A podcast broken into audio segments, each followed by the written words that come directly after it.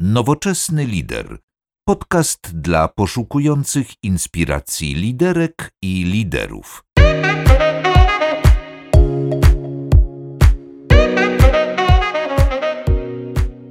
Dzień dobry. Witam Was serdecznie w nowym odcinku podcastu Nowoczesny Lider. Dzisiaj moim gościem jest Piotr Prokopowicz. Dzień dobry, witam Cię serdecznie. Cześć. Gdybyś mógł tradycyjnie przedstawić się słuchaczom, chociaż jeśli słuchaliście poprzedniego naszego podcastu z Piotrem, to macie już e, pewne pojęcie o tym, czym Piotr się zajmuje na co dzień.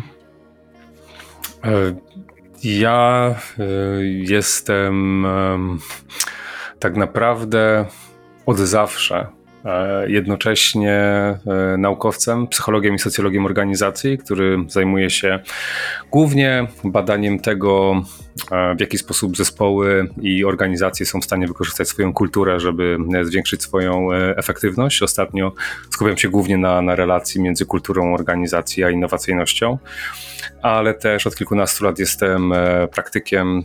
E, byłem współzałożycielem takiej firmy, która tworzyła gry symulacyjne dla biznesu. Teraz jestem współzałożycielem i partnerem we Free Innovation, gdzie pomagamy organizacjom budować kulturę innowacji.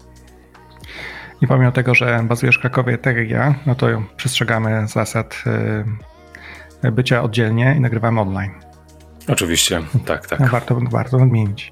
No dobrze, dzisiaj Piotrze, naszym tematem, y, którym chcielibyśmy porozmawiać jest, dlaczego potrzebujemy leadershipu, liderów w czasach niepewności. I y, dzisiaj ta, ten nasz podcast ma mieć trochę formę dialogu, także ja cię pozwolę, że będę pytał o pewne tematy związane z tym głównym naszym nadrzędnym tematem i dopowiem trochę ze swojej perspektywy, dobrze? Oczywiście. Także pierwsze pytanie, dlaczego w ogóle ludzie potrzebują liderów? Może tylko nadmienię, że uwielbiam tego rodzaju pytania. Znaczy, mam wrażenie, że e, cały w ogóle ten świat zarządzania i leadershipu tak e, szybko biega, e, że czasami brakuje czasu, żeby zatrzymać się i zastanowić nad sprawami, które są absolutnie fundamentalne.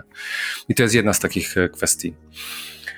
Wiesz co, z punktu widzenia ewolucyjnego. Psychologowie lubią patrzeć na e, takie kwestie jak przywództwo e, z ewolucyjnego punktu widzenia. E, przywództwo rozwiązuje pewnego rodzaju dylemat ewolucyjny. Za każdym razem, kiedy masz więcej niż dwie osoby, powstaje wyzwanie związane z koordynacją wysiłku tych osób. Są oczywiście różne sposoby rozwiązania tego dylematu. Natomiast jednym z nich i e, bardzo popularnym w kontekście naszej historii ewolucyjnej jest e, e, przywództwo. Przywództwo jako funkcja, czyli jak przywództwo jako proces, który koordynuje wysiłki grup, zespołów, plemion czy też całych społeczeństw. To jest bardzo ciekawe, że kiedy patrzysz tak naprawdę na społeczeństwa na, na całym świecie i E, patrzysz również wstecz na naszą historię, okazuje się, że jakaś forma przywództwa istniała w każdym e, plemieniu, w każdym społeczeństwie, które znamy. I to jest bardzo ważne. Nie chodzi tutaj o takie przywództwo bardzo hierarchiczne, nie chodzi tutaj o stanowisko, które cechuje się jakąś bardzo daleko idącą e, władzą. Chodzi o to, że w, każdym społeczno- w każdej społeczności, którą znamy, istnieje ktoś, kto w pewnym momencie pomaga skoordynować działanie ludzi po to, żeby osiągali wspólnie cele. I to jest kwestia fundamentalna w ogóle w badaniach nad e, przywództwem.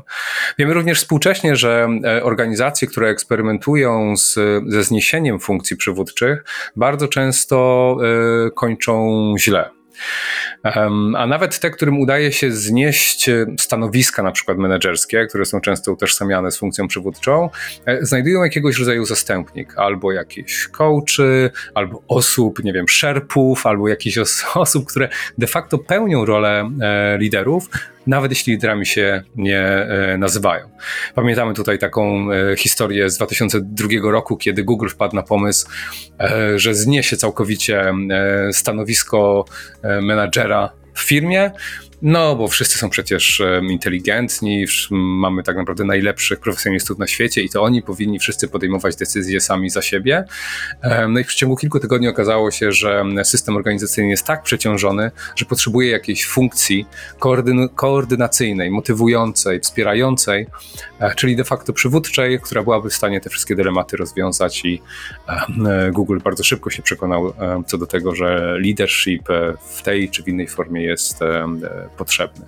Funkcja przywódcza, przywództwo rozumiane właśnie jako koordynowanie wysiłku ludzi i motywowanie ich wspólnych działań do tego, żeby zrealizować cel, jest uniwersalne między różnymi społeczeństwami, momentami w historii, dużymi, małymi organizacjami i to jest jedna z rzeczy, którą po prostu trzeba zauważyć bardzo, bardzo wyraźnie. To co, to ja może to powiem trochę ze swojej perspektywy jeszcze. E, wiesz, ja myślę też, jak patrząc na, na, co dzień, czego ludzie oczekują od e, liderów w organizacjach mniejszych lub większych, a w szczególności w czasie niepewności, no to jednak jest to, żeby lider zadbał o e, sprawną komunikację. Mm. I w szczególności teraz ludzie potrzebują kontekstu, ludzie teraz potrzebują też zapewnienia, że sobie poradzimy. E, też pamiętam, że z badań Google'a wyszło, prawda, że największą e, takim priorytetem dla ludzi, jeśli chodzi o miejsce pracy, jest poczucie bezpieczeństwa. Też chyba wyszło z tego projektu, on się nazywa Oxygen chyba, ale teraz nie pamiętam, tak. czy nie mylę nazw projektów. I, i, i to jest również e, kwestia tego, że mamy ludzi, którzy mają różne też preferencje. Jak spojrzymy sobie też na takie badania przy, stylów przywództwa, no każdy pewnie ma jakiś styl, którym operuje, no to część ludzi będzie potrzebowała Mm, też, żeby liderzy dbali o to, że nasze, nasz świat y, socjalny się nie rozpadnie, czyli będą jakieś elementy, które tych ludzi będą w chwili obecnej nadal jednoczyły. I to dobrym przykładem jest chyba teraz, jeśli chodzi o takie działania, które jednoczą społeczności, no to są takie działania CSR-owe, pomoc szpitalom, pomoc przy druku, wydruku tych przył, y, ha, Boże, przyłbic, y, inne działania, które jednoczą ludzi wokół jednego wspólnego celu.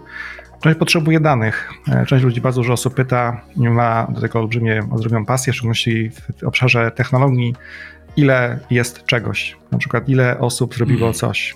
No, nie zawsze te dane można komunikować, natomiast to jest tak druga taki styl przewódczy, który czy preferencja przewódcza, którą ludzi e, bardzo drive'uje, bardzo oni tego potrzebują i zadają dużo pytań w tym obszarze i to trzeba bardzo dobrze zbalansować. Na przykład teraz jeden z takich głównych pytań, które często można słyszeć, to ile jeszcze dodatkowo musimy zaoszczędzić, aby przetrwać kryzys? No i normalnie pewnie można by powiedzieć 5, 6, 7 milionów, jakakolwiek jest to liczba, ale w chwili obecnej nie podasz dokładnie liczby, ponieważ nie wiesz, kiedy kryzys się skończy. Można go przewidywać, czy to może być taki, taki miesiąc, ale kiedy poszczególne biznesy zaczną znowu się odbudowywać, zarabiać, to zupełnie inna bajka. E, kolejnym elementem to są e, też takie osoby, które potrzebują akcji. I, I te tak naprawdę potrzebują celu i one będą go realizować. I już czują się po części spełnione, też liderzy muszą jakby o takie elementy zadbać. I on nikogo nie pominąłem, natomiast e, budując komunikację warto pamiętać o tym, szczególnie taką szerszą, do większych grup społecznych, o tym, żeby te poszczególne elementy komunikacyjne były mm, zaopiekowane. Też dawanie pewnych perspektyw, czyli umiejscowienie tej komunikacji w danej kontekście biznesowym i światowym, bardzo pomaga, żeby to nie było oderwane jednego od drugiego. No i myślę też, że w kontekście tego poczucia bezpieczeństwa, no to ludzie potrzebują też, aby ich wysłuchać. No i ja mam tutaj takie swoje, wiesz, w ciągu tygodnia mam 5 czy 6 spotkań, półgodzinnych, albo 7 nawet, z różnymi osobami. I yy, mówię, mówiąc szczerze, wcześniej, jak spotykaliśmy się twarzą w twarz, yy, to ja musiałem trochę animować tę dyskusję i na przykład pytać się o pewne rzeczy, co się dzieje, jak tam biznes, jak u ciebie, jak, wiesz, jak, jak rozwój, jak zespół i tak dalej. A teraz często mam półgodzinny monolog, bo ludzie po prostu muszą się wygadać. Naprawdę.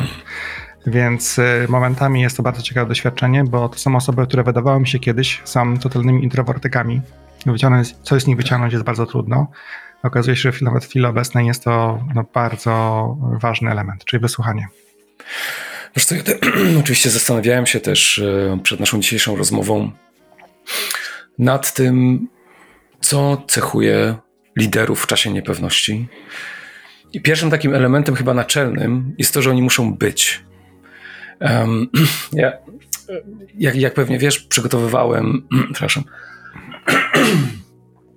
Przygotowywałem e, się do tego tematu jeszcze dużo, dużo wcześniej, ponieważ e, tego e, również miało dotyczyć moje wystąpienie na, na konferencji Fronter, która ostatecznie została przełożona również z powodu pandemii.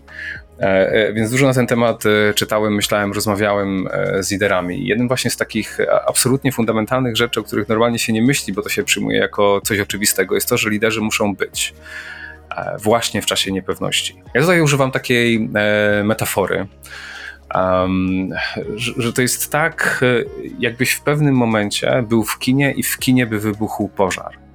To trzeba się zastanowić, co tak naprawdę w takim momencie człowiek robi. Co ty byś zrobił? Normalny, przeciętny człowiek w takim momencie tak, rozgląda się wokół siebie, patrzy, co robią inni. I to jest tak naprawdę kultura E, co robią inni, tak? obserwujemy. Kiedy teraz mamy do, do, do, czynienia z sytuacją pandemii, jednym z takich najważniejszych źródeł informacji co do tego, co wypada, a co nie wypada, jest to, jak zachowują się inni ludzie. Bo jeśli zobaczysz, że stoją w półtora metrowych odstępach w kolejce do apteki, to sam się ustawisz w półtora metrowym odstępie w kolejce do apteki. Drugim takim źródłem informacji e, w, w sytuacji właśnie paniki, zagrożenia, niepewności, e, na przykład jak jesteś w kinie, w którym wybucha pożar, jest to, co jest na ścianach. Nie? Jakiego rodzaju instrukcje, gdzie jest najbliższe wyjście, E, ewakuacyjne. I dla mnie to jest coś, co symbolizuje instytucje organizacyjne, przeszłość, rytuały, to co było, nie? czyli jakby takie jasne instrukcje, jak należy się zachowywać, ale takim trzecim elementem, na który ludzie w, w sytuacji niepewności, paniki zwracają e, uwagę, to są właśnie liderzy. Liderzy, którzy albo wyłaniają się spontanicznie właśnie w sytuacji e, niepewności, albo liderzy, którzy są jak gdyby liderami z definicji. Prezesi, dyrektorzy, e, menadżerowie, i automatycznie w ich kierunku zwraca się nasza uwaga w, w chwili e, niepewności. Kiedy wybucha panika w, w płonącym kinie, patrzymy, gdzie są pracownicy kina, którzy zaprowadzą nas do wyjścia e, ewakuacyjnego. I właśnie te, te trzy rzeczy, czyli co się dzieje wokół nas, e, co mówią instytucje, ale również co mówią liderzy, są dla mnie takim podstawowym źródłem tego, jak ludzie zachowują się w sytuacji niepewności ale te elementy muszą istnieć. To jest absolutnie pierwszy podstawowy e, warunek efektywności e, leadershipu w sytuacji niepewności. Nie wszyscy liderzy są. Nie wszyscy liderzy pokazują, że są obecni. Dla mnie tutaj taki symboliczny obraz Zresztą w ogóle przykład e, Winstona Churchilla i tego, jak zachowywał się w ramach e, Blitza, w ramach e, tych nalotów na, na, na Londyn w 1941, to jest w ogóle super źródło inspiracji dla liderów, jak dla mnie współcześnie, ale jest taki symboliczny obraz Churchilla, który odwiedza Bristol i i jest tak dużo ludzi, jest tak olbrzymi tłum, że nie wiadomo tak naprawdę na samym końcu tego tłumu, czy w ogóle Churchill jest. Churchill dostaje informacje, że ludzie nawet nie wiedzą, czy on tam w rzeczywistości jest i rozmawia z ludźmi i bierze, bierze swoją laskę, podnosi ten swój charakterystyczny e, kapelusz na tej lasce i macha nim, żeby ludzie mieli poczucie, jestem z wami, nawet jeśli mnie nie widzicie i nie możecie ze mną porozmawiać. Dla mnie to jest taki symboliczny obraz tego, jaka jest naczelna zasada i naczelny obowiązek lidera w, w, niepewności, czyli po prostu być, żeby było widoczne, że, że jest dla, dla grupy. Nie wiem, jak, jak, to, jak to wygląda z twojej perspektywy. Wiesz co, to jest... Y chyba tak. Ja nie, nie, nie znałem tego tej przyszłości o Churchillu, ale zdecydowanie ludzie oczekują od ciebie, że będziesz widoczny najróżniejsze sposo sposoby. No i jeden z tych elementów oczywiście w firmach, ile obecnych są spotkania takie online'owe, e, gdzie starasz się odpowiedzieć na różne pytania pracowników. I to są, e, wiesz co, zaufaj mi, to są trudne, trudne momenty, kiedy zapadają bardzo trudne pytania, a ty nie zawsze masz na nie odpowiedź. I oczywiście możesz powiedzieć, że nie wiesz, ale nie możesz tak powiedzieć na każde pytanie, bo to też nie jest profesjonalne ale na chwilę obecnej no, ciężko jest odpowiedzieć na pewne pytania, które ludzie zadają. Y, I nawet taka, taka kwestia też byłem zdumiony tym, że to jest też bardzo potrzebne i ważne. E, wysyłając jakąś komunikację, nagranie krótkiego wideo na przykład do ludzi, i też zapewnienie ich o tym, że e, jesteśmy razem i sobie poradzimy. To są też elementy, które pokazują, że jesteś, też pokazujesz ten dobry, ten dobry pozytywny przekaz też do, do, do pracowników, którzy to oglądają. No i, i to bardzo dla wielu osób jest to bardzo istotne, takie właśnie, jak, to, jak mówisz, zaznaczenie tego, że jest ktoś, kto nad tym wszystkim stara się zapanować. Mm. Bo to chyba to jest najważniejsze, to jakby ten samolot ma pilota, prawda? Bo nic gorszego jakby samolot nie ma pilota i nie wiadomo, w którym kierunku lecimy. Mhm. Natomiast to, co mówisz, jest dla mnie o tyle ciekawe, że e, w sytuacji takich e, komunikatów wysyłanych do pracowników, że jesteśmy w tym razem, że, że, że sobie wspólnie z tym poradzimy, kluczowe jest to, żeby za tą komunikacją e, szły rzeczywiste czyny. Bo to jest ten taki bardzo mm, kruchy balans między takimi pustymi słowami, e, tak, razem sobie poradzimy, e, będzie dobrze, trzymajcie się, e, za którym idą rzeczywiste czyny, które wspierają to, a, a właśnie to niebezpieczeństwo, że ta komunikacja będzie pełna hipokryzji, kiedy ludzie widzą, że oficjalna komunikacja przygotowana przez specjalistów do PR-u jest e, właśnie taka napuszona, ambitna i tak naprawdę słychać tą motywacyjną muzykę z tła, a w rzeczywistości e, ludzie są zwalniani e, i jakby nie pokrywa się ten przekaz między, znaczy te, nie pokrywa się przekaz, nie pokrywają się działania. Wydaje mi się, że w ogóle ta, ta integralność dla lidera jest kluczowa w czasach pokoju, ale w czasach wojny, w czasach niepewności jest szczególnie istotna, bo to jest, nie, używając tej metafory e, kina, e, to, to jest tak jakby nie wiem, e, przedstawiciel kina powiedział, tam jest wyjście ewakuacyjne, a sam uciekłby w drugą stronę. No to generalnie wiadomo, że ludzie by raczej za nim pobiegli, a nie poszliby tam, gdzie pokazuje. Nie? Tak jakby ta spójność między, między oficjalnym e, komunikatem, a tym, co się dzieje, jest e, bardzo istotna. Nie? I, I, tak naprawdę w tych ostatnich tygodniach wielu e, prezesów tych największych firm wystosowało takie maile do pracowników i one są, jakbyś popatrzył na nie, e, formalnie bardzo podobne. Nie wiem, mail, który napisał, nie wiem, Satya Nadella do swoich pracowników z Microsofta, czy, czy, czy Elon Musk, czy Jeff Bezos, one są bardzo podobne do siebie formalnie. One są piękne, tak naprawdę mógłbyś je wstawić do podręczników e, komunikacji kryzysowej ale okazuje się, że to, co za nimi idzie, jest czymś zupełnie innym w przypadku Microsoftu, który, e, nie wiem, wprowadza jako pierwsza organizacja e, politykę jak gdyby związaną z, z, z odnoszeniem się do, do, do, spraw związanych z kryzysem i na przykład u, u Bezosa, um, u którego jak gdyby wiele, wiele polityk, wiele działań organizacyjnych jest sprzecznym z tym, co w tym liście jest zawarte. I wydaje mi się, że taka hipokryzja w czasach kryzysu, w czasach niepewności e, boli potrójnie. Zajrzyj koniecznie na blog nowoczesnylider.pl, gdzie znajdują się dodatkowe materiały dotyczące tego podcastu. To jest też chyba to, co zawsze podkreśla moja koleżanka, którą rozmawiałam, kiedyś rozmawialiśmy o milenialsach kilka razy, jest pewnie jakby trochę też oczywiście e, zgodny z, e, bez względu na, na pokolenia, z którego jesteś, no to duże radary ściemy dzisiaj, prawda? No i takie pierwsze, jeżeli, jeżeli raz mi się wydaje, e, ludzie złapią cię na kłamstwie w tej komunikacji, nawet nieświadomym, mogłeś zrobić to na najlepszej, najlepszej wierze no to będzie ci bardzo ciężko później dotrzeć do nich z takim przekazem, jakikolwiek on nie będzie, żeby ci zaufali, tak naprawdę. Bo ale to dlatego mówię, to jest w chwili obecnej wiele pytań, co będzie, jak będzie, jaki jest nasz target na przykład. Nie można na nie odpowiadać, bo nie ma, nie ma odpowiedzi na te pytania, po prostu. No, że trzeba sobie powiedzieć, że sytuacja jest e, bezprecedensowa. Mhm. Taka wcześniej nam się nie wydarzyła e, i na razie możemy tylko po prostu patrzeć, przygotować się na różne scenariusze.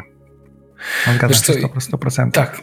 Wiesz co, jest tutaj coś takiego, ja, ja, dużo o tym myślałem, e, bo to jest swojego rodzaju paradoks, nie? Że, że z jednej strony chcesz zakomunikować brutalnie rzeczywistość, to znaczy pokazać, e, że rzeczywiście znajdujemy się w sytuacji chaosu informacyjnego, niedookreślenia. Nie jesteśmy w stanie powiedzieć Wam, jak długo ten e, kryzys będzie trwał. Tym bardziej, że próba podania jakiegoś takiego e, skończy się tym, co na przykład ma miejsce teraz w Stanach Zjednoczonych, nie? gdzie prezydent najpierw mówi, na Wielkanoc fajnie było, jakbyśmy się spotkali, a nie tak naprawdę miałem co innego na myśli do końca kwietnia.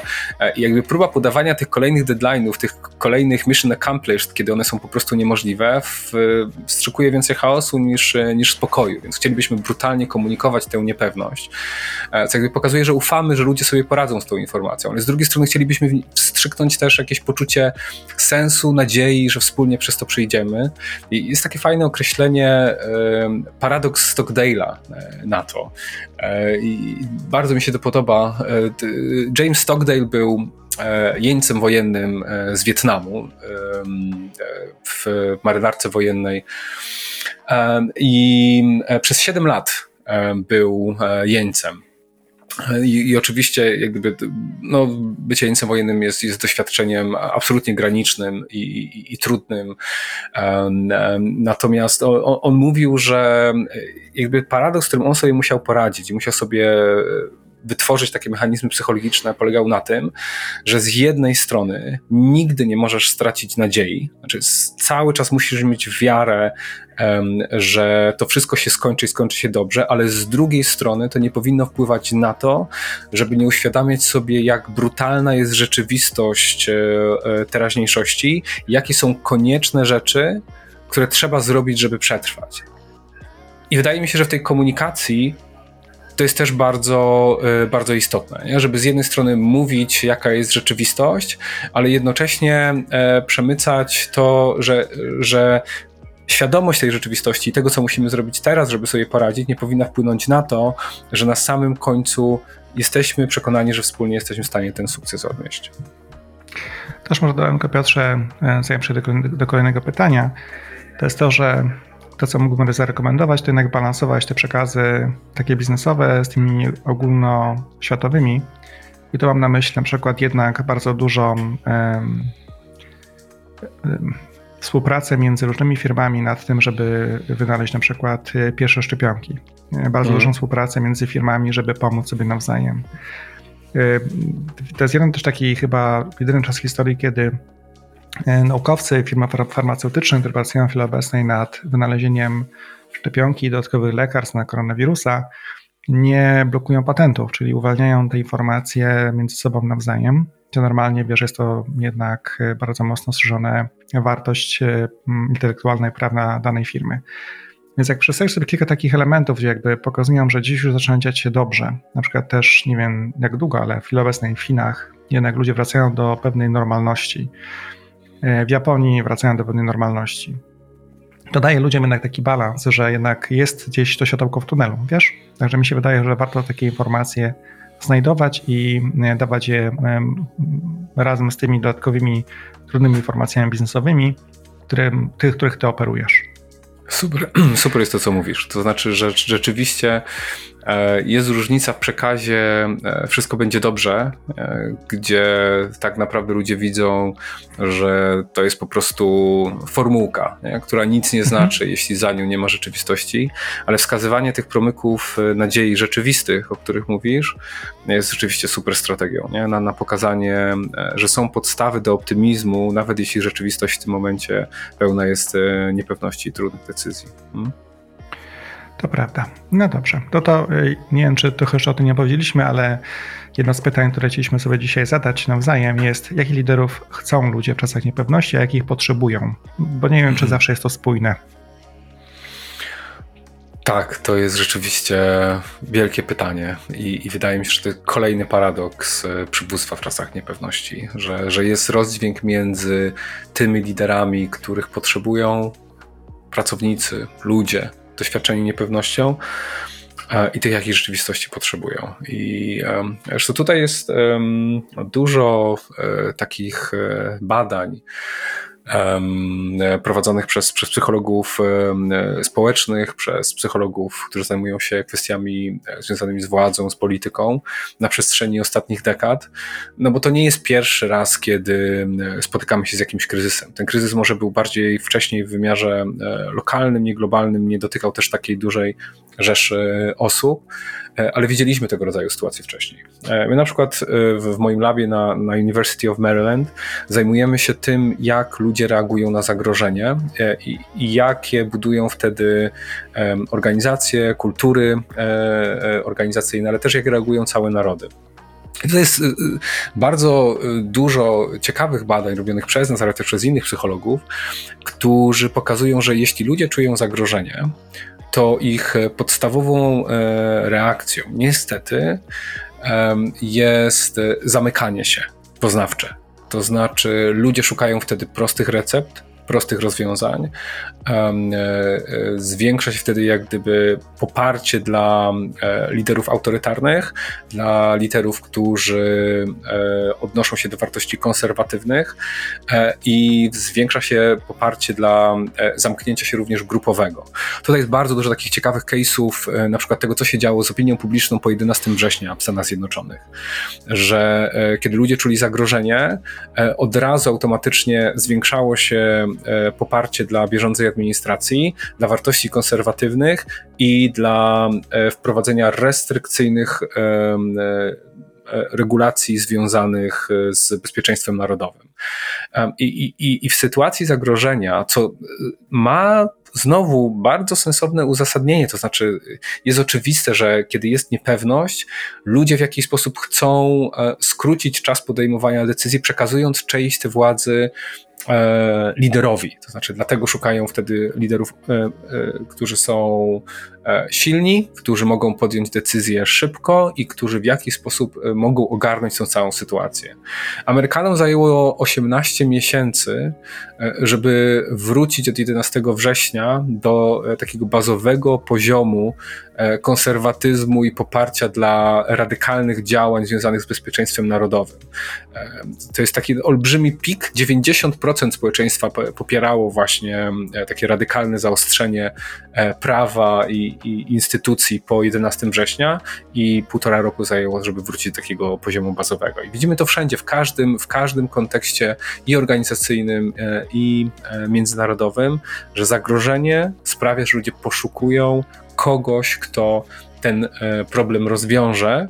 I to jest naturalna reakcja, natomiast w konsekwencji może prowadzić do tego, że raz oddana władza takiemu autorytarnemu e, liderowi, czy w organizacji, czy w biznesie, czy e, w, w demokracji, może od tego lidera nie wrócić.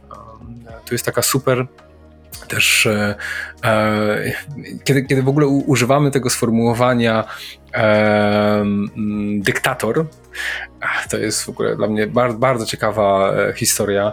E, zazwyczaj myślimy właśnie o takiej osobie, która jednoosobowo przejmuje władzę i podejmuje decyzje i dopóki nie umiera, nie zrzeka się tej władzy. Natomiast e, sama funkcja dyktatora, która się wywodzi ze starożytnego Rzymu, miała zupełnie inną funkcję. To było właśnie, to było, to było stanowisko, któremu przekazana jest władza na sześć miesięcy w sytuacji kryzysowej, ale później naturalnie władza od dyktatora znowu wracała um, do, do obywateli e, i wracaliśmy do demokracji. I tutaj jest taka świetna e, figura Lucjusza Quinctiusza Cyncynata. To jest właśnie taki e, obywatel rzymski, któremu zostało przekazana e, władza w sytuacji kryzysowej. Tam był najazd ekwów i została mu przekazana taka władza i udało mu się właśnie dzięki temu, że jako jednoosobowy dyktator był w stanie działać szybko, zmobilizować armię, wyruszyć i ten kryzys zażegnać.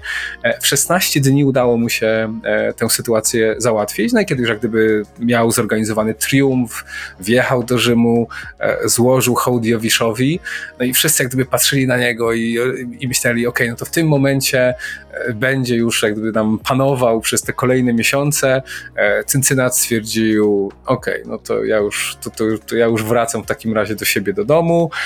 16 dni mi wystarczyło, składam z powrotem władzę na ręce obywateli i to do dzisiaj jest jak gdyby podawany taki przykład idealnego lidera, któremu przekazano tę władzę, ale który później tę władzę oddał e, e, do, do obywateli.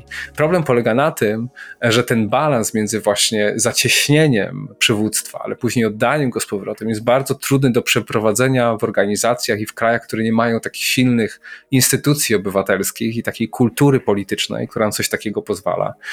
Więc to, to niestety chociaż potrzebujemy właśnie takich liderów, którzy są elastyczni i na czas tego, e, takich kryzysów są w stanie jakby szybko podejmować decyzje i mobilizować wysiłek ludzi, kiedy ta reakcja jest potrzebna bardzo szybka, ryzyko jest takie, że dostaniemy ludzi e, i liderów autorytarnych, e, którzy już później z nami zostaną na dłużej.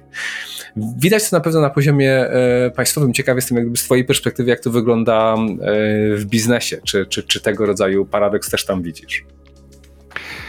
Wiesz, to może to jest dużo prostszy mechanizm.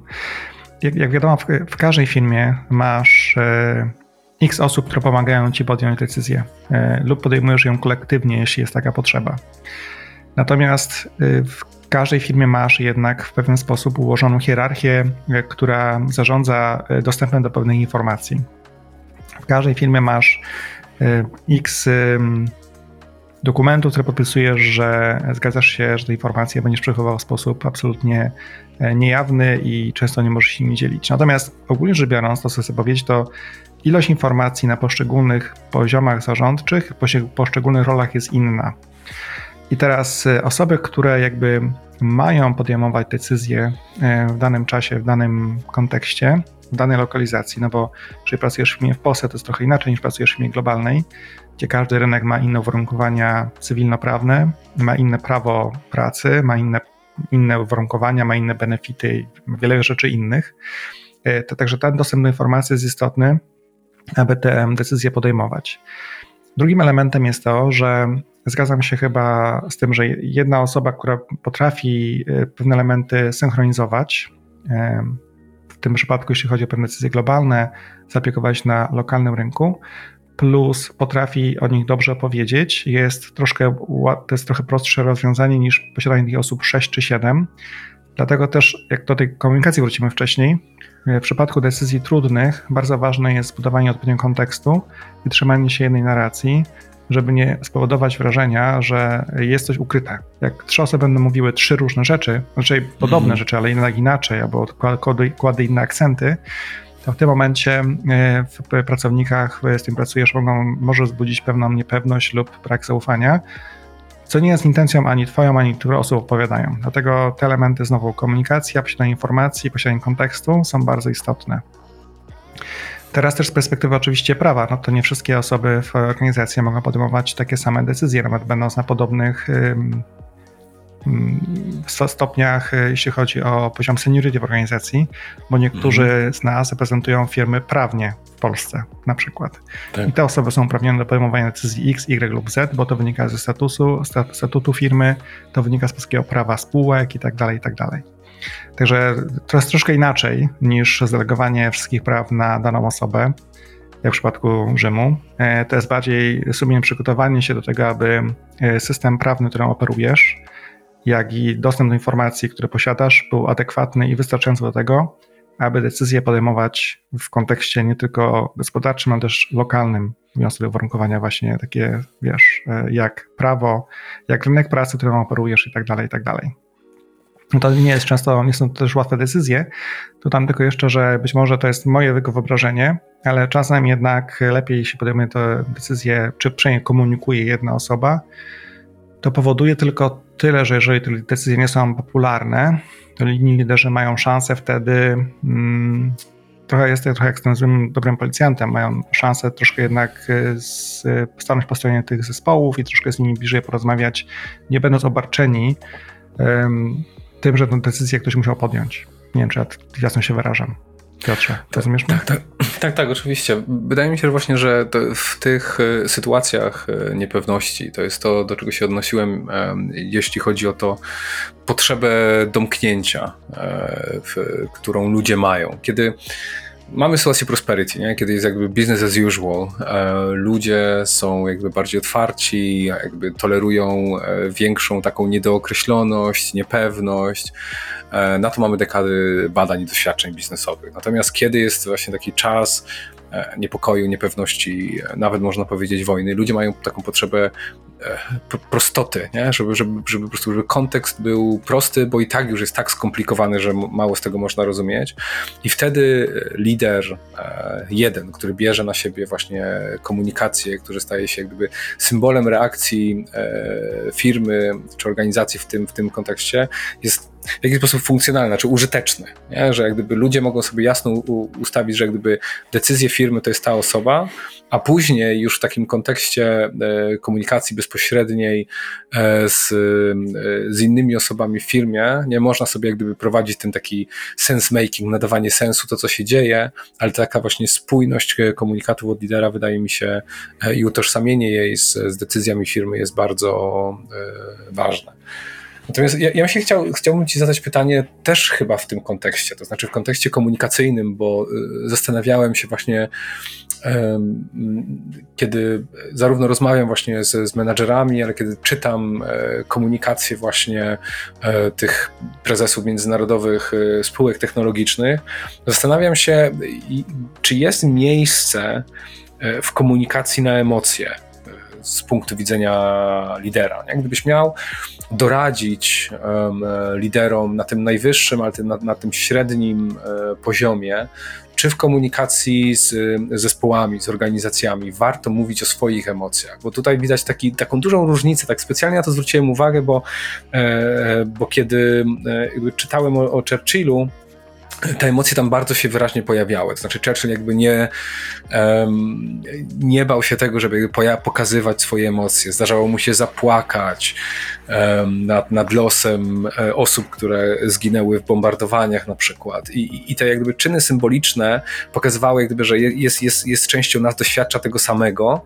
I, później czytałem e, te oficjalne komunikaty e, różnych spółek, i one były bardzo różne pod tym względem. Znaczy, wszystkie były pięknie przygotowane E, ale na przykład taki, taki Nadella z Microsoftu e, bardzo mocno się odnosił do doświadczeń swoich, e, swojej rodziny w tych trudnych czasach.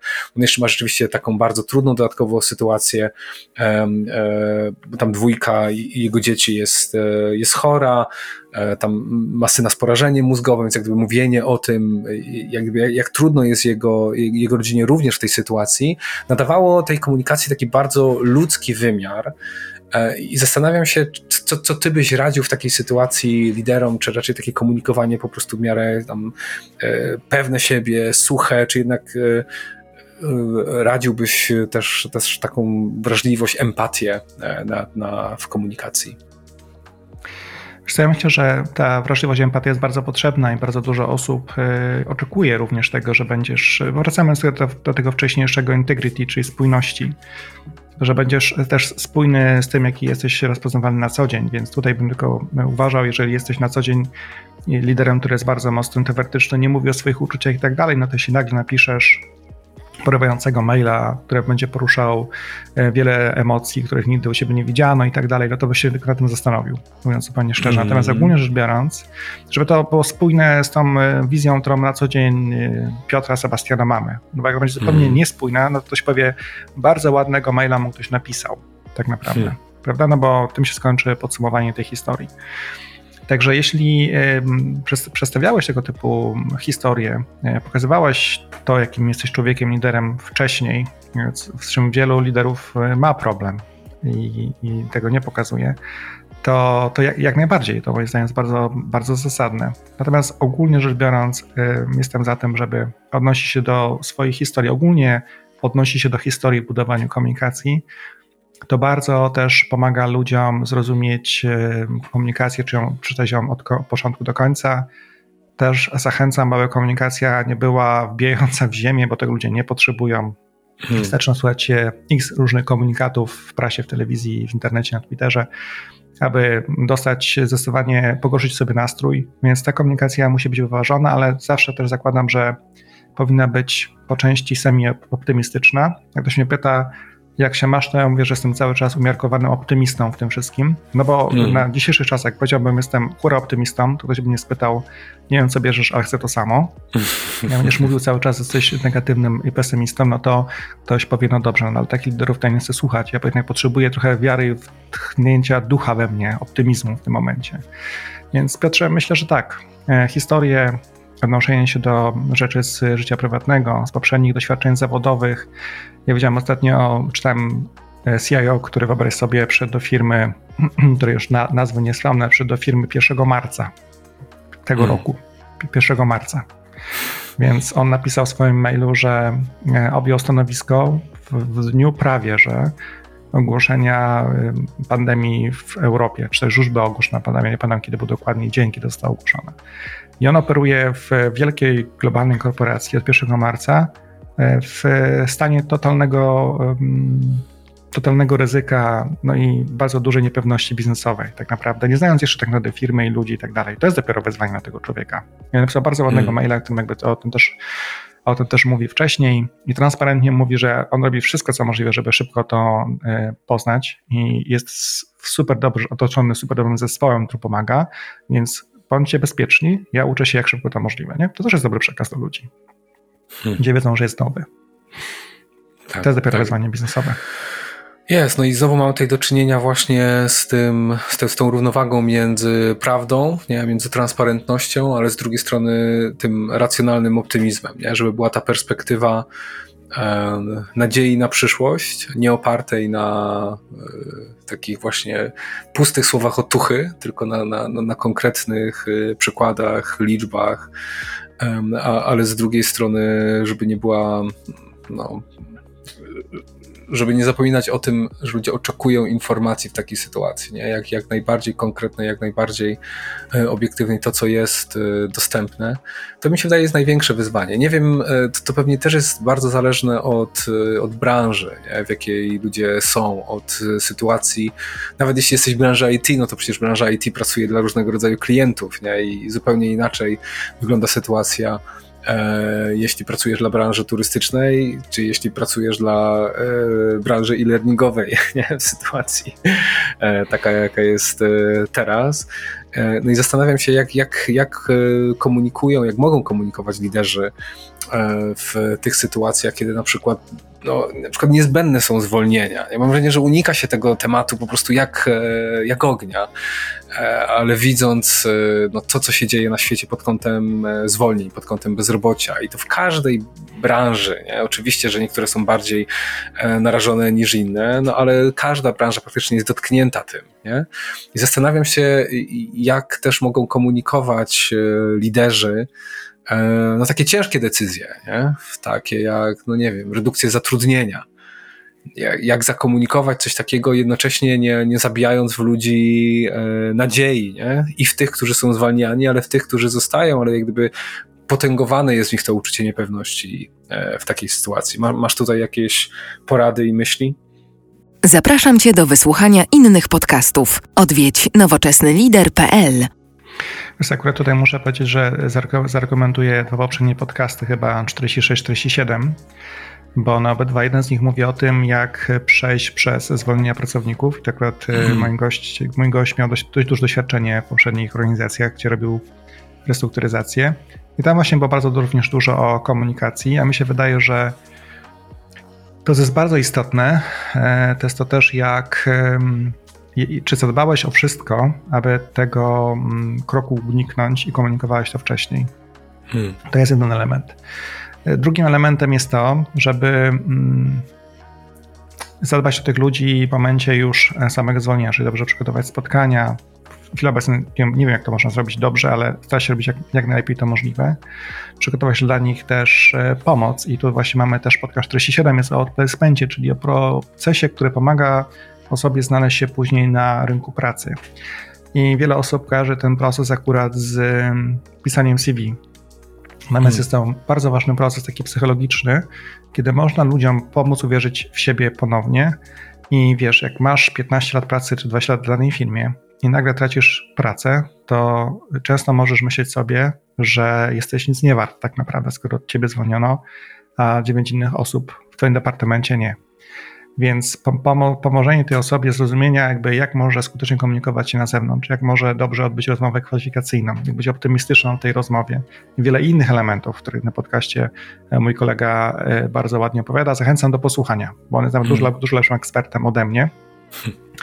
Natomiast to, co mm, pokazują różne rynki na świecie, no to jeżeli spojrzymy sobie też na aspekty takie mm, ma makroekonomiczne, spojrzymy sobie na poziom zwolnień w poszczególnych krajach, on jest dość wysoki. W Stanach hmm. chyba w ogóle chyba przodują w tym chwili obecnej. Tak. Nie wiem dlaczego, ale jest tam dość bardzo, mm, chyba to jest x milionów osób już, prawda, które zostało uznane za bezrobotnych.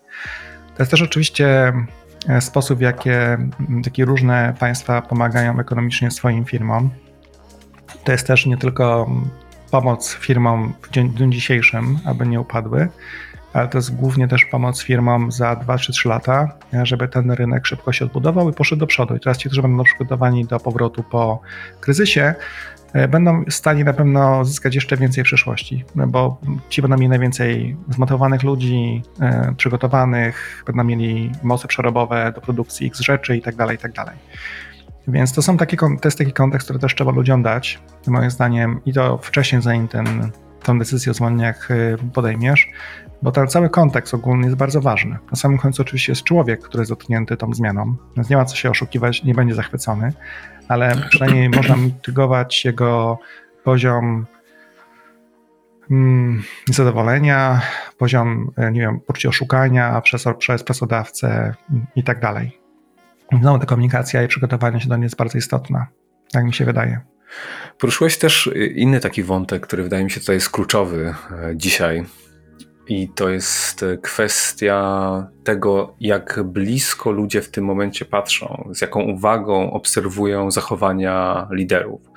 To, jak w tym momencie liderzy reagują na sytuację związaną z, z pandemią, z niepewnością, z um, kroczącym kryzysem gospodarczym, zdefiniuje e, ich przywództwo na najbliższe lata i też przywództwo w organizacjach.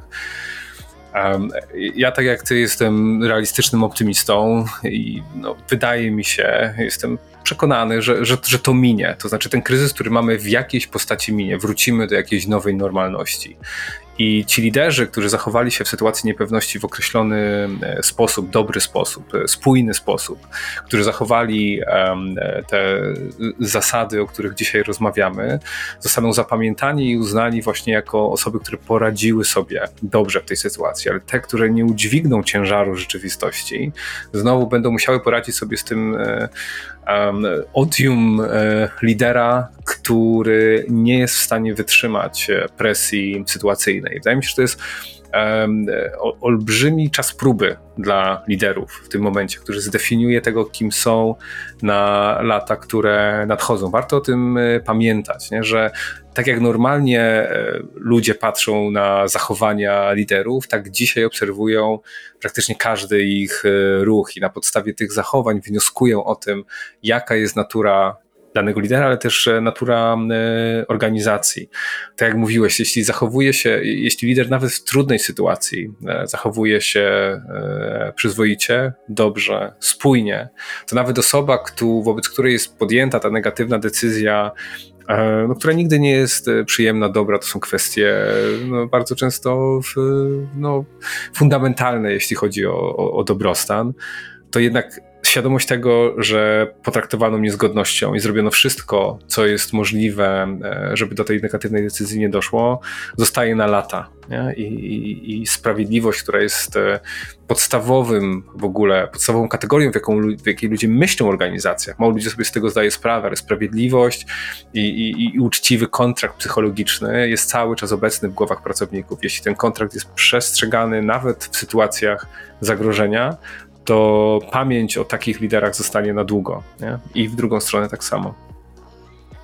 Trzeba być fair po prostu, prawda? Trzeba być w tym przypadku fair, no i mieć jakieś też um, zasady, którymi się kierujesz w przypadku akurat tego procesu zwalniania, no też muszą być jakieś przesłanki, dlaczego tak, a nie dlaczego nie inaczej. Dlaczego bierzemy taką e, pulę organizacji, a nie inną. To wiesz, jakby to są też kwestie z polskiego prawa pracy związane z tym, nie? że nie hmm. możesz sobie takich decyzji podejmować zupełnie bez bezpodstawnie.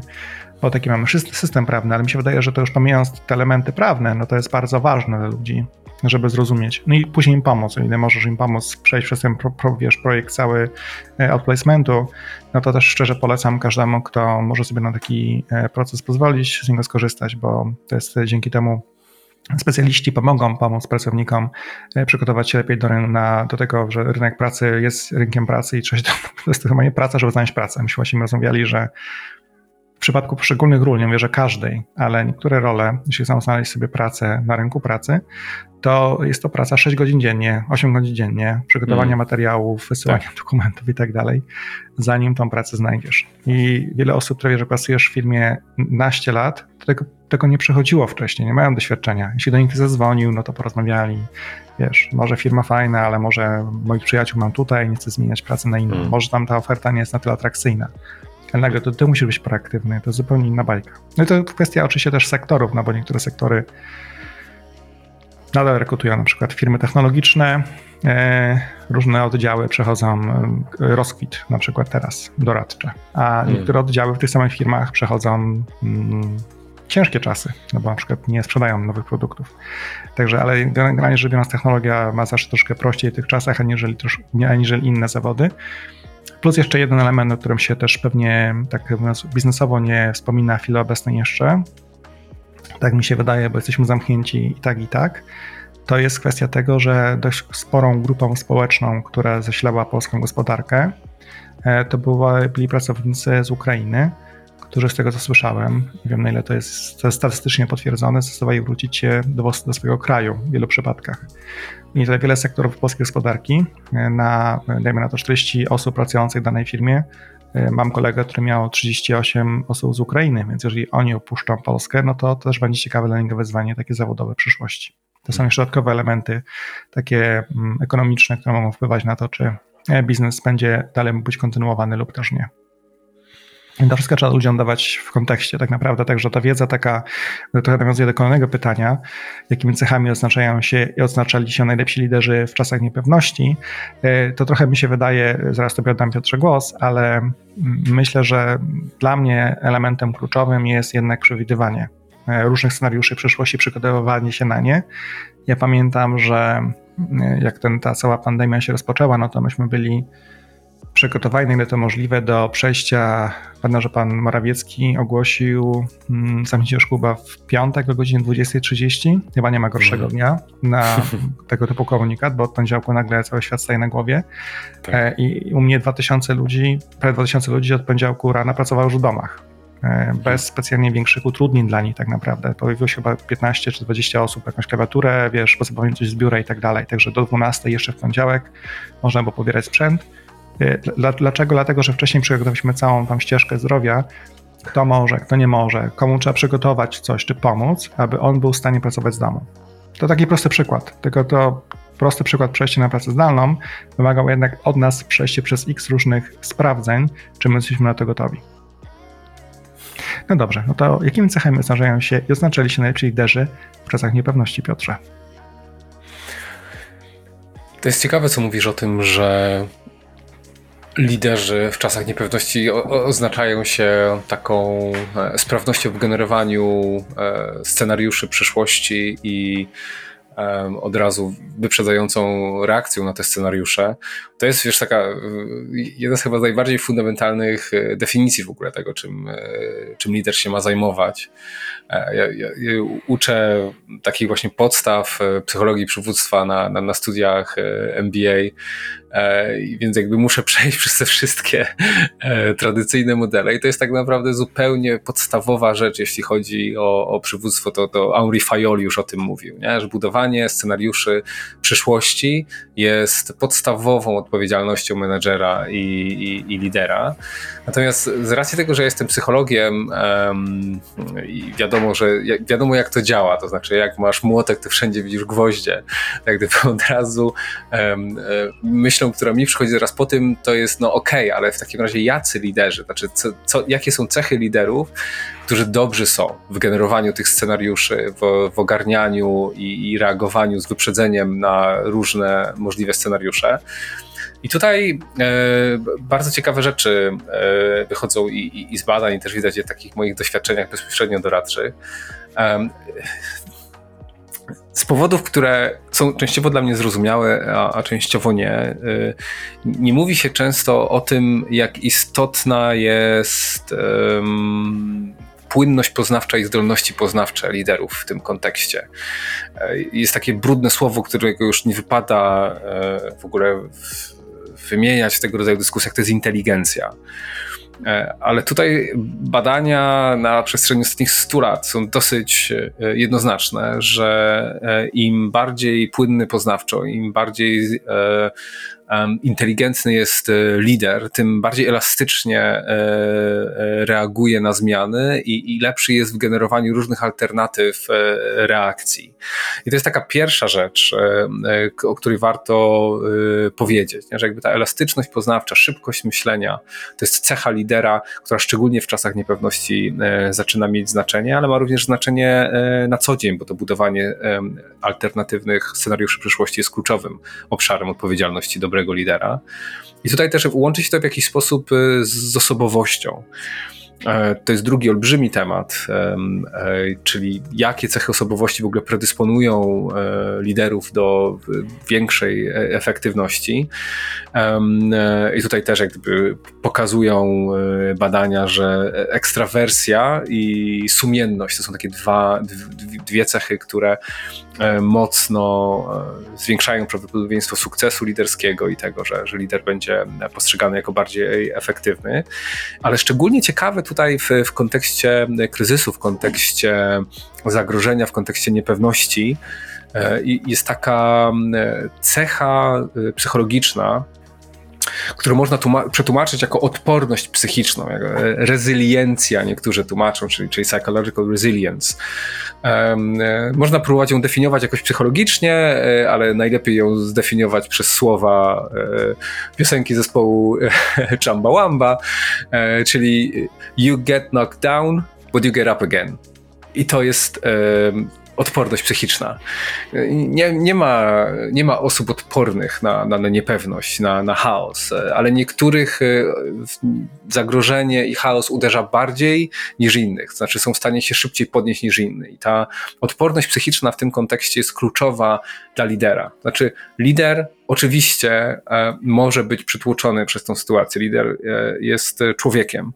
Natomiast kluczowym e, jest to, żeby się podniósł, ogarnął się, używając slangu, e, i po prostu e, wziął się do tej roboty związanej z komunikacją, z, z, podejmowaniem decyzji, z budowaniem scenariuszy, z reagowaniem na nie. I tutaj znowu okazuje się, że, że, są dwa czynniki, które mają znaczenie. Z jednej strony to jest osobowość, czyli tutaj pomaga ekstrawersja i pomaga sumienność. I ekstrawersja jest takim ciekawym linkiem e, do, do tej drugiej cechy, która wspiera liderów w czasach niepewności i sprawia, że są bardziej odporni psychicznie i to jest szeroka sieć społeczna, wsparcia społecznego. Rodzina, przyjaciele, i, I, im więcej takich relacji osobistych utrzymują liderzy, tym większa szansa jest na to, że również w czasie kryzysu będą bardziej odporni e, psychicznie. To jest jak gdyby ten, ten obszar, obszar cech, nie? bo kiedy, kiedy rozmawiamy o cechach, to z psychologicznego punktu widzenia koncentrujemy się na tych e, kwestiach w miarę stałych, które określają um, liderów, cechach osobowości, um, cechach poznawczych, i tutaj e, też e, kolejnym takim ciekawym obszarem, który też jest badany e, nie tylko przez psychologów, ale również przez neuronaukowców, jest to, że liderzy, którzy dobrze się zachowują, którzy są efektywni w czasach niepewności, nie do określenia, to są liderzy, którzy mają um, wysoką złożoność poznawczą, złożoność koncepcji siebie. To są um, liderzy, którzy postrzegają się przez różne pryzmaty, nie tylko jako menedżera, ale również jako coacha, ale również jako pracownika, ale również jako obywatela, ale również jako um, e, osoby o funkcji służebnej. Im bardziej mają złożone koncepcje siebie, ja wiem, że to brzmi bardzo e, abstrakcyjnie, ale były takie robione badania właśnie w armii amerykańskiej, gdzie w zależności od tego, jak wiele słów do określenia siebie używają liderzy, im więcej ról sobie przypisują, tym bardziej elastyczna jest ich reakcja e, w symulacjach e, e, wojennych i tym bardziej są efektywni w sytuacjach kryzysowych. Więc z jednej strony mamy osobowość, z drugiej strony mamy czynniki poznawcze, mamy złożoność koncepcji siebie, ale również te relacje i dbałość o te relacje jest szczególnie kluczowa do, do, do utrzymywania tej równowagi i efektywności w tych czasach niepewności. Ja trochę jeszcze nawiązam, bo może dowiesz o tych y, talentów, o których y, też kilkakrotnie rozmawialiśmy w podcastach z moimi gośćmi. No to, to, to są te elementy, te, o których mówisz, one też są jakby zbadane przez Galupa, gdzie jest taki talent jak strategia, e, który podobno, podobnież tegoż talentu nie można się nauczyć, pozostałych podobno można, a tego nie za bardzo. Nie wiem, z czego to wynika, nie, nie, nie wnikałem w to. Hmm.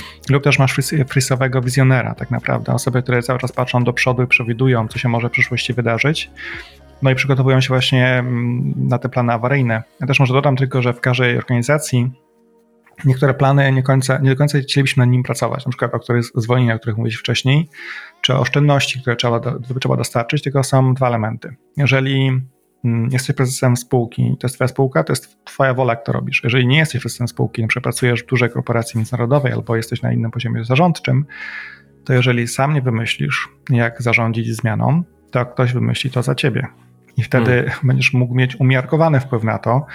I znowu wracamy do kontekstu społecznego, do kontekstu gospodarczego, do kontekstu e, systemu prawnego itd., tak itd. Tak Z niektóre elementy, jak nie przygotujesz sam, to przygotuje za ciebie. Także to też e, daję tylko przykład słuchaczom, abyście pamiętali o tym, że rola lidera jest jednak przewidywanie przyszłości i działanie proaktywnie w niektórych obszarach przynajmniej, aby ją e, zbudować we własny sposób. Bo jak sam nie zbudujesz tej przyszłości, ktoś ją zbuduje za ciebie. Tak mi się wydaje przynajmniej. Co, jeszcze... No, no, no, proszę, proszę. Proszę bardzo, Piotrze. To są właśnie te wyzwania, kiedy nie masz sygnałów niewerbalnych. Dobrze idzie. I rzeczywiście, idzie, rzeczywiście Pierwszy raz tak rozmowie.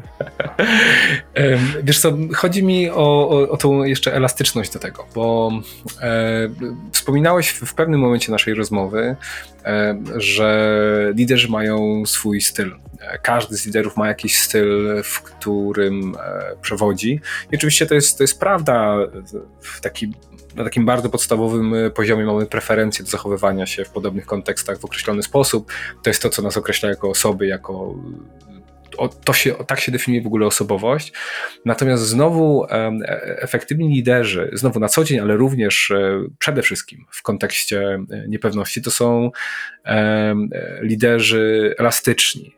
Zwinność to jest wiadomo to słowo, które jest odmieniane przez wszystkie przypadki, ale chodzi o, o jakby umiejętność i to też jest często związane po prostu z, z taką plastycznością poznawczą, umiejętność zmiany stylu przywództwa, kiedy jest e, e, taka konieczność sytuacyjna, nie? czyli że ludzie, którzy na przykład na co dzień mają taki styl bardzo kolektywny, służebny, to znaczy taki, że jak gdyby tylko facylitują podejmowanie decyzji w, w grupie, ale którzy mają rolę organizacyjną, tak jak opisałeś, no, jeśli działasz szczególnie w organizacji, która jest zorganizowana hierarchicznie, która ma przypisane określone role decyzyjne, umiejętność prze, przerzucenia się między jak gdyby takim jednym stylem zarządzania, a drugim stylem zarządzania. Elastyczność e, w, w przerzucaniu tej wajchy też mi się wydaje, że jest czymś, co, co zwiększa efektywność w takich, e, w takich sytuacjach. Nie? Czyli jakby nie przywiązywanie się do takich starych E,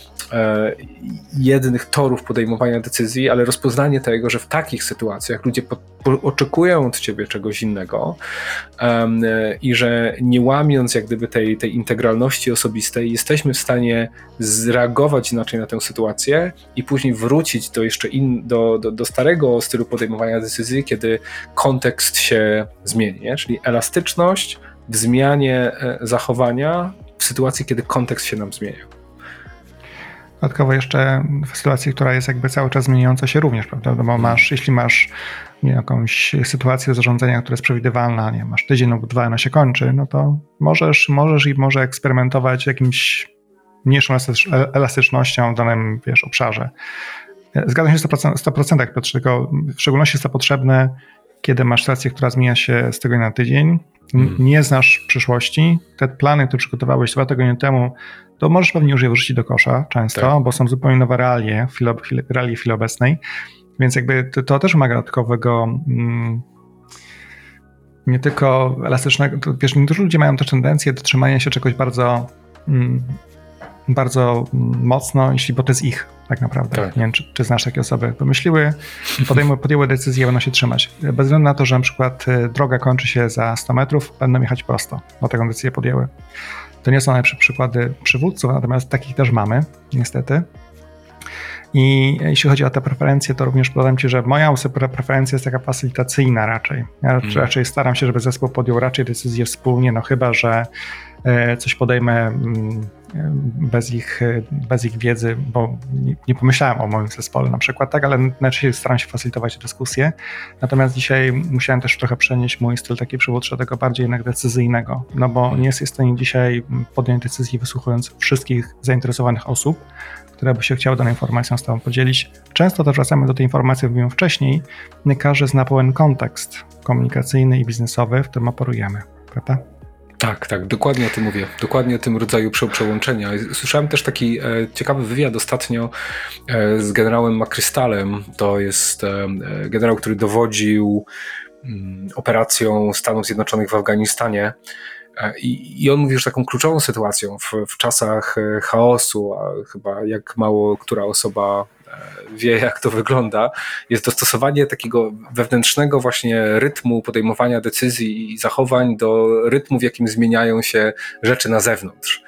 W sytuacji kryzysowej e, mimo wszystko lider musi wejść jak gdyby w ten taki tryb e, szybko zmieniających się e, również decyzji, jak gdyby otwarcia na to, żeby nie przywiązywać się do decyzji, które podejmuje. I to jest dokładnie to, to, to, o czym mówię, czyli zarówno elastyczność w zmianie zachowania, ale również takie nie, nie przywiązywanie się do, do tego, co uważałem jeszcze wczoraj. To jest, to jest znowu, wracamy do tego samego, do, do, kręcimy się wokół tej same, tych samych, e, e, tej samej rodziny pojęć, bo tu znowu wracamy do tego, co mówi psychologia o e, potrzebie domknięcia e, e, poznawczego. Nie? Czyli po prostu, że po, potrzebujemy, żeby rzeczy były proste, zamknięte e, i tego potrzebują ludzie w czasach właśnie e, niepewności, a to jest dokładnie odwrotne do tego, jacy liderzy powinni być. To jest ten kolejny paradoks nie? w czasach niepewności, że liderzy powinni e, zachować tą otwartość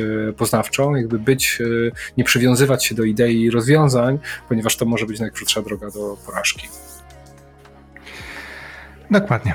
I tym pozwolisz, Piotrze, zam- zamkniemy naszą rozmowę dzisiaj. I ja Ci bardzo dziękuję za rozmowę i pewnie podcast y, pojawi się też po naszym wspólnym śniadaniu, które mamy w środę najbliższą y, lub też właśnie tego samego dnia o poranku. Brzmi super. Bardzo Ci dziękuję za rozmowę. Jak, jak zwykle było bardzo ciekawie, inspirująco. Dziękuję Piotrze. Miłego dnia. Nawzajem. Dziękuję serdecznie za wysłuchanie tego podcastu. Do usłyszenia w następnym. Jeśli podcast Ci się spodobał, poleć go swoim znajomym.